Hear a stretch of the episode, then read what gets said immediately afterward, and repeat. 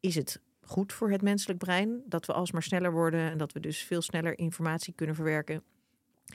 Als ik kijk naar bijvoorbeeld uh, getallen van de instroom in de GGZ en dergelijke, als je ziet hoeveel jonge mensen zich melden met angstklachten, depressieklachten, eh, burn-out, stress enzovoort, dan denk ik, nou, ik vraag me af of het gezond is om op dit tempo te leven. Welkom bij de Pearson Podcast. In deze podcast nemen we je mee in de wereld van diagnostiek en behandeling binnen de geestelijke gezondheidszorg. Ik ben Meerte Wildenbeest, psycholoog en productadviseur bij Pearson en ik interview professionals uit het werkveld om antwoord te geven op vele brandende vragen.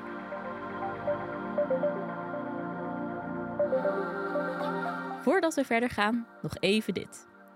De toenemende prestatiedruk, het gevoel van alles te moeten en de hoeveelheid aan keuzes in de huidige maatschappij kunnen uiteindelijk zorgen voor stress, angst en depressieve klachten.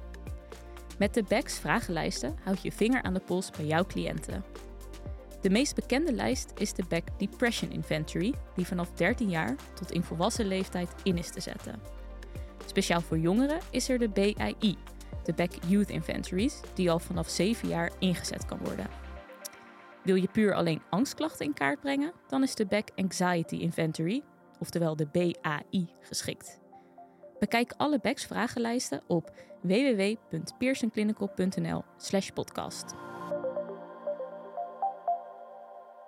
Welkom bij deze aflevering van de Pearson Podcast. Um, we gaan de volgende vraag beantwoorden, namelijk wat kan je doen als jouw cliënt last heeft van ja, fear of missing out, FOMO.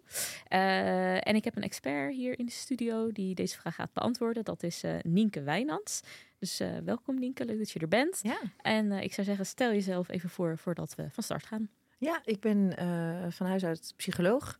Heb gewerkt als loopbaanadviseur. in dat werk ooit gestuurd op iets wat ik het dertigersdilemma ben gaan noemen. Daar toen een boek over geschreven. Nou, dat was zo'n succes dat ik toen meer ben gaan schrijven. Dus inmiddels een aantal boeken gepubliceerd. En uh, als ZZP'er um, hou ik me bezig met eigenlijk allerlei dingen die te maken hebben met persoonlijke ontwikkeling. Dus ik geef lezingen, workshops, trainingen. Uh, ik werk voor grote bedrijven, HR-adviezen doen enzovoort. Maar allemaal gericht eigenlijk op die persoonlijke ontwikkeling. Oké, ja. nou helder. Dankjewel dat je er bent.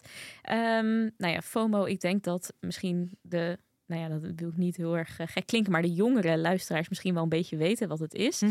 Eh, maar misschien kan je toch nog even uitleggen van ja, wat, wat is wat is FOMO? Wat... Ja, het grappige is uh, dat je noemt nu iets wat voor mij heel interessant is. Oké. Toen ik werkte als loopbaanadviseur, hebben we het over begin 2000, zeg maar net na de eeuwwisseling. Toen kwam ik steeds meer jonge mensen op het spoor die allemaal eigenlijk dezelfde dingen vertelde bij mij aan tafel als loopbaanadviseur. Um, en die hadden keuzestress, sociale druk, tijdsdruk, een gevoel van nou is dit het nou en wat wil ik nou eigenlijk? Ik weet niet wat ik wil enzovoort. En dat ben ik gaan onderzoeken. Teruggegaan ook naar de UvA, wetenschappelijk onderzoek van gemaakt. Uh, en dat fenomeen ben ik het dertigersdilemma gaan noemen. Maar een van de aspecten die daarbij zat was dat mensen eigenlijk vanuit zowel sociale druk als vanuit keuzestress het gevoel hadden overal maar bij te willen zijn, uh, alles te willen meemaken, nergens nee tegen willen zeggen. En uh, dat beschreef ik dus ook in mijn boek. Um, en het interessante is dat ik een aantal jaar daarna daar een term bij kon zetten. Want uh, toen had iemand in de Engelstalige wereld bedacht van... hey, dit noemen we fear of missing ja, out. Mooie term. FOMO, ontzettend ja. leuk. Ja. Um, maar het grappige was dus dat dat een van de, nou ja, uh, core uh, elementen was eigenlijk van wat ik het dertigersdilemma was gaan noemen. Alleen dat woord bestond dus helemaal nog niet. Maar dat gevoel was er dus al wel heel duidelijk om, van, om het feit dat je vanuit aan de ene kant uh, keuzestress hebt, maar aan de andere kant vooral ook de druk voelt, sociale druk vaak, uh, om overal bij te zijn en alles mee te willen maken, dat dat dus nu uh, FOMO heet. Dus ja, ja, ja, ja grappig. Ja, want ik had inderdaad ook een volgende vraag van, ja, FOMO, het lijkt mij iets wat, wat nu pas speelt, omdat nu hoor je iedereen inderdaad erover, maar eigenlijk was dit er vroeger dus ook al, zeg jij? Um, het, het is wel absoluut iets um, wat is van de laatste decennia.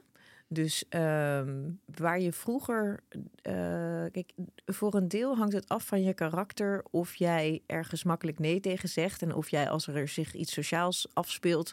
of jij het erg vindt om dat te missen. bij wijze van spreken. Het interessante is dat in mijn jeugd, en ik ben dus stok oud, want ik ben uit 74. Ik meevallen Eh, hoor. dat ehm, ik typisch wel zo iemand was eh, die mensen zo leuk vond en extravert was en eh, een groepsdier. Dat ik eigenlijk, dat mijn moeder ook zei tegen mij vroeger van... ja, maar ja, jij zegt ook nooit ergens nee tegen. Jij hebt echt het idee dat je overal bij moet zijn, toen al. Mhm. Maar dat leidde nooit tot een gevoel van overweldigd zijn of veel. Want dat ging toen over één schoolfeest per jaar, zeg maar. eh één hockeyfeest per jaar. Dus ehm, waarom was dat niet een ding, dat FOMO? Omdat eh, het leven gewoon tot en met mijn generatie, ik ben dus van generatie X, zoveel simpeler was. Dus eh, het was veel meer huisje, boompje, beestje. Het was veel eh, stereotyper ingekleed. Dus de man ging buiten de deur de kost binnen. De vrouw ging thuis voor de kinderen zorgen. En in de vrije tijd was er behalve sportclubjes en hobbyclubjes, was er niks. Dus wat je ziet is dat met de komst van het internet, waardoor we tot in de uithoeken van de wereld kunnen zien wat andere mensen aan het doen zijn. Ehm, maar ook met toename van de prestatiemaatschappij.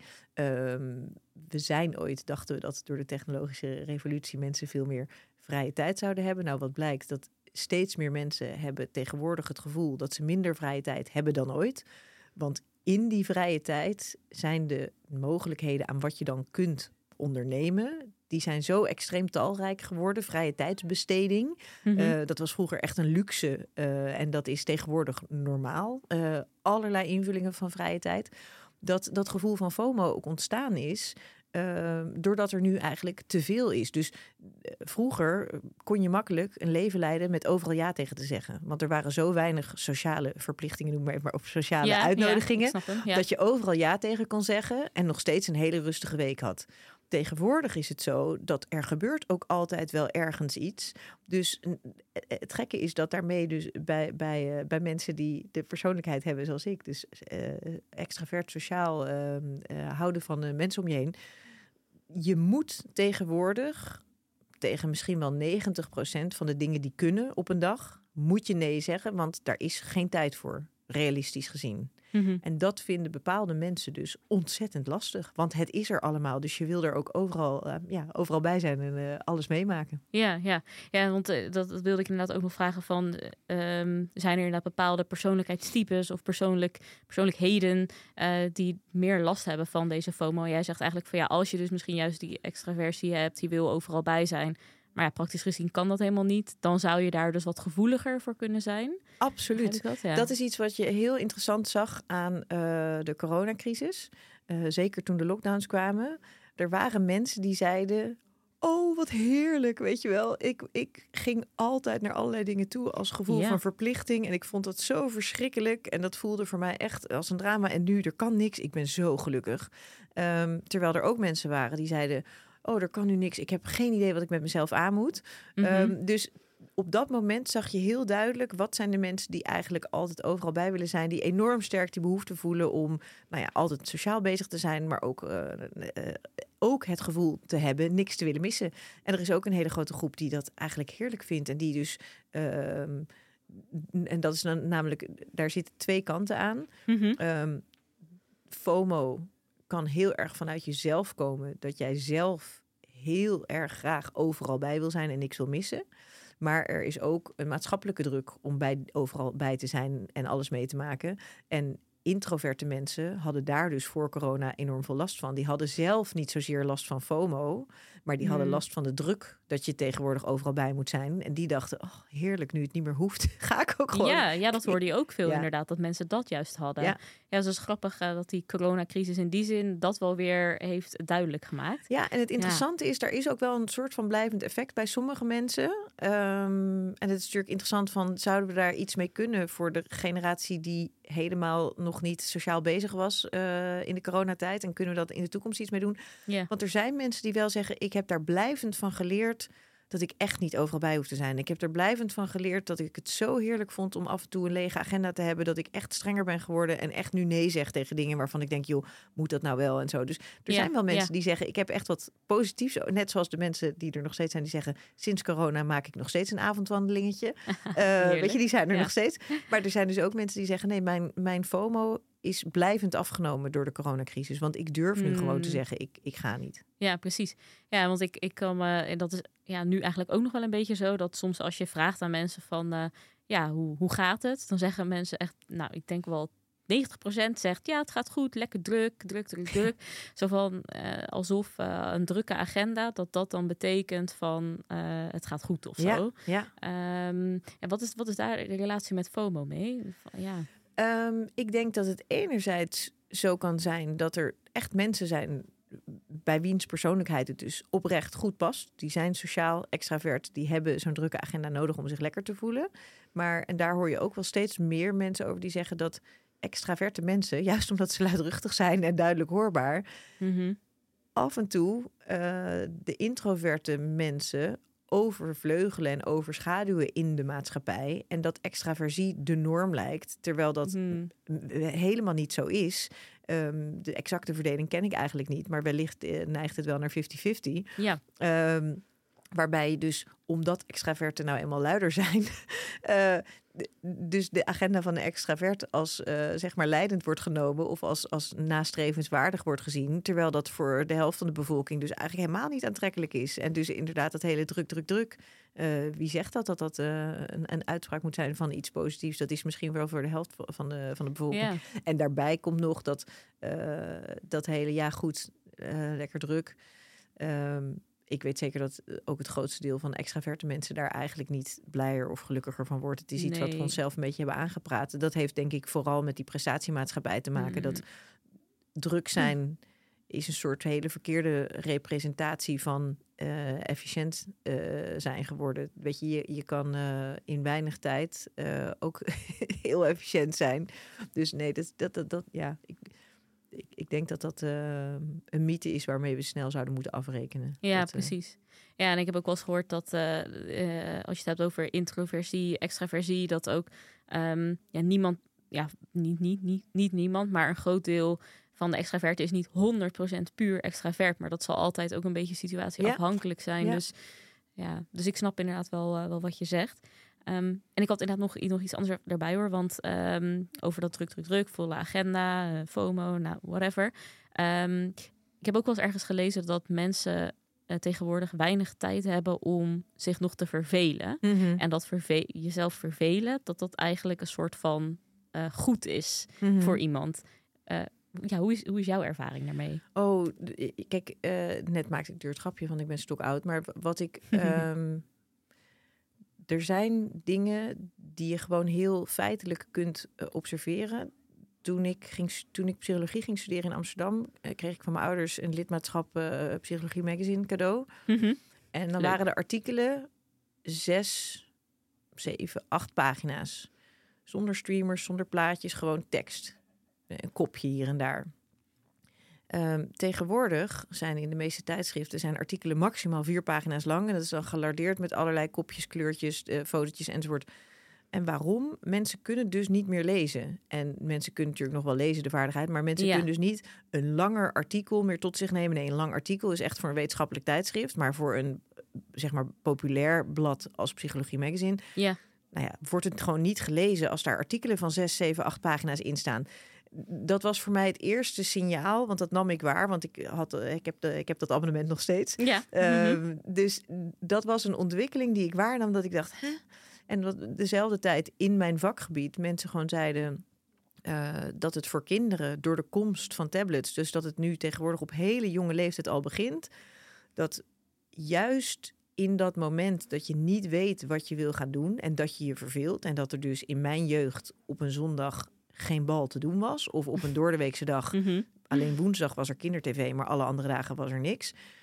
Dat dat de ruimte is die je nodig hebt in je brein om tot creativiteit te komen, iets nieuws te bedenken, maar ook om tot een bepaalde vorm van. Want aan de ene kant kan het dus creativiteit en activiteit op, oproepen, maar aan de andere kant kan het dus ook zo zijn dat na een periode van vervelen, dus dat je eigenlijk nog rusteloos bent in je brein, eh, je een fase van soort diepe mentale rust krijgt. Dat je je overgeeft aan die verveling. Overgeeft aan er is niks te doen. En Mhm. op je rug in een weiland ligt naar de, naar de wolken ligt te staren. Nou, dat schijnt gewoon niet meer voor te komen. En Nee. daarvan zeggen mensen ook...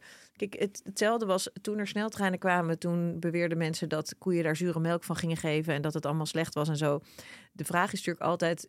ben ik nu oud en, en eh, ben ik nu cynisch... en heb ik angsten die nergens op slaan? Is het goed voor het menselijk brein dat we alsmaar sneller worden... en dat we dus veel sneller informatie kunnen verwerken? Als ik kijk naar bijvoorbeeld eh, getallen van de instroom in de GGZ en dergelijke, als je ziet Ja. hoeveel jonge mensen zich melden met angstklachten, depressieklachten, eh, burn-out, stress enzovoort, dan denk ik, nou, ik vraag me af of het gezond is om op dit tempo te leven. Ja, ja. ja, je hebt eh, volgens mij ook wel zo'n fenomeen. Ik weet, ja, dat was ooit in, eh, in, eh, in Azië, maar dat komt nu ook steeds meer hier naartoe. Dat sommige jongeren zich helemaal ja, afsluiten van de, van de wereld, omdat zij schijnbaar het snelle tempo niet aankunnen. Dus dat Mhm. ze gewoon ja, hun, zichzelf, of dat ze zichzelf opsluiten in hun kamer. En dat eh, men dus inderdaad eerst heel erg dacht van ja, waardoor, waardoor wordt dit nou veroorzaakt? Mhm. Maar dat scheen dus inderdaad te maken te hebben met van ja, de snelle maatschappij en altijd maar informatie en ja, je moet van alles. Hè. Ehm, ja, dat dat er dus ook voor zorgde dat de jongeren dus heel erg uit, uitvielen. Die waren Mhm. gewoon niet gemaakt meer eh, om te passen in deze maatschappij. Ja. Dus dat, eh, ik weet even niet meer de term precies, maar er was laatst inderdaad iets over. Ja. Nou, Ja. want wat ik merk met name met dat eh, FOMO, Ja, kijk, de beschrijving is heel goed. Fear of missing out, de Ja. angst om iets te missen. En het interessante is dat dus de angst om iets te missen mensen aanzet om ergens heen te gaan om iets te doen.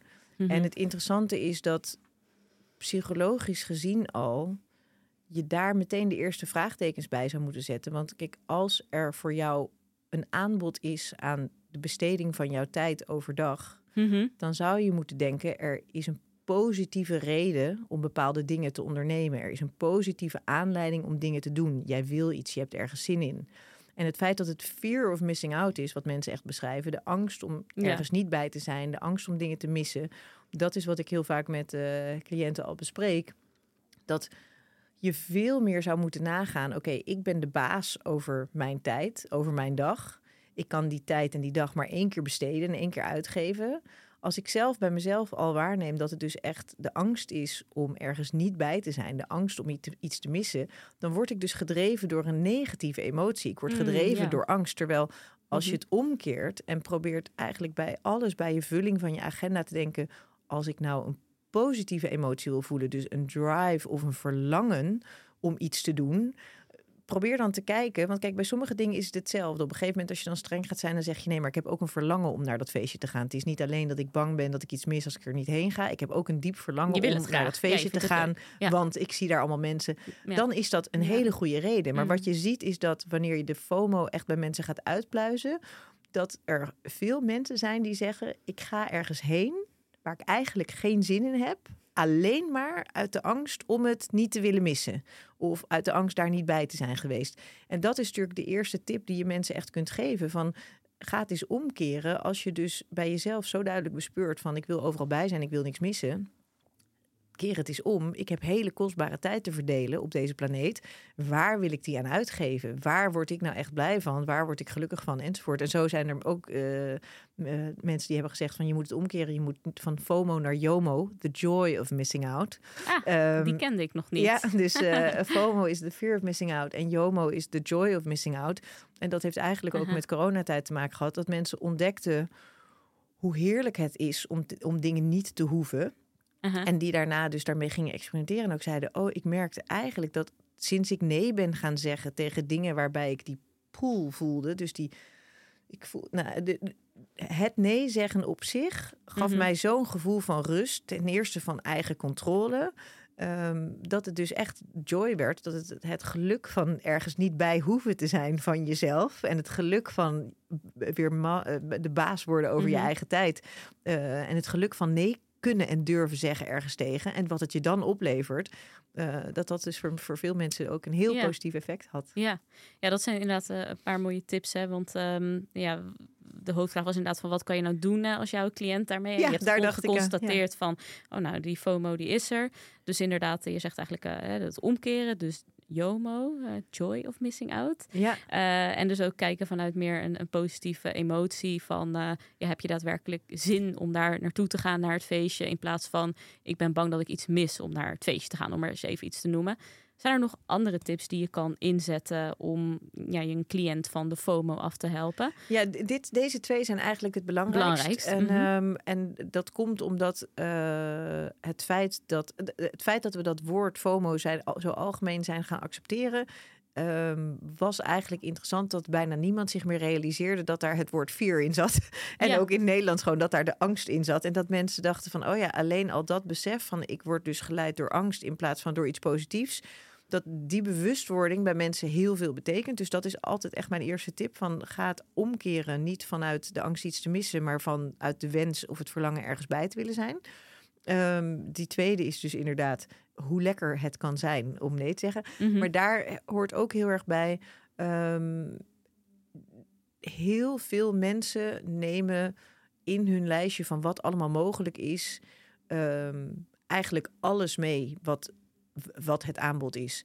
En laten zich daar ook, want kijk, eh, eigenlijk een andere enorme open deur is eh, weerstand bieden tegen de druk van social media. Mhm. Social media, daar is altijd wel iemand eh, op reis. Er is altijd wel iemand in de kroeg. Er is altijd wel iemand die iets waanzinnigs op tafel heeft getoverd. En dat maakt meteen dat jij daar. Je ziet iets bij een ander. Je voelt een bepaalde mate van jaloezie of afgunst. Of zelfs als het inspiratie is. Maar het maakt meteen dat je iets minder tevreden bent met je eigen situatie. Met je eigen eh, eh, plek op dat moment. Omdat je Hmm. denkt, oh, zij wel, zij dit. Eh, Wat je hoort van mensen is dat als je je social media anders gaat benaderen. Dat je meteen al die steekjes van eh, jaloezie, verlangen, angst om er iets te missen, er- ergens niet bij te zijn. Alleen het, het lastigste van die tip, dus je social media te managen, is dat iedereen weet het, maar hoe doe je het? En eh, het interessante is dat ik ja. steeds vaker in zalen eh, spreek waar je eh, de enkeling hebt die zegt: Nee, ik heb alle socials van mijn telefoon afgegooid.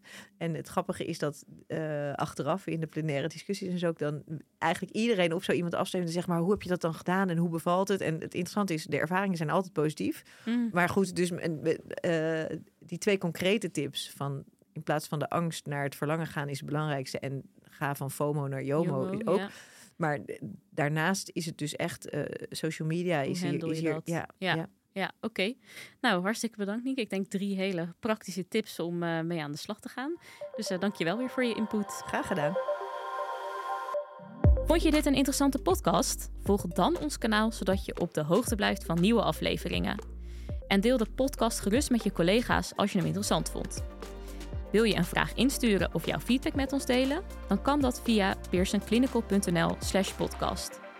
Daarnaast hebben we ook een speciale actie voor onze podcastluisteraars. En deze is te vinden op dezelfde site, dus pearsonclinical.nl/slash podcast. Tot de volgende keer!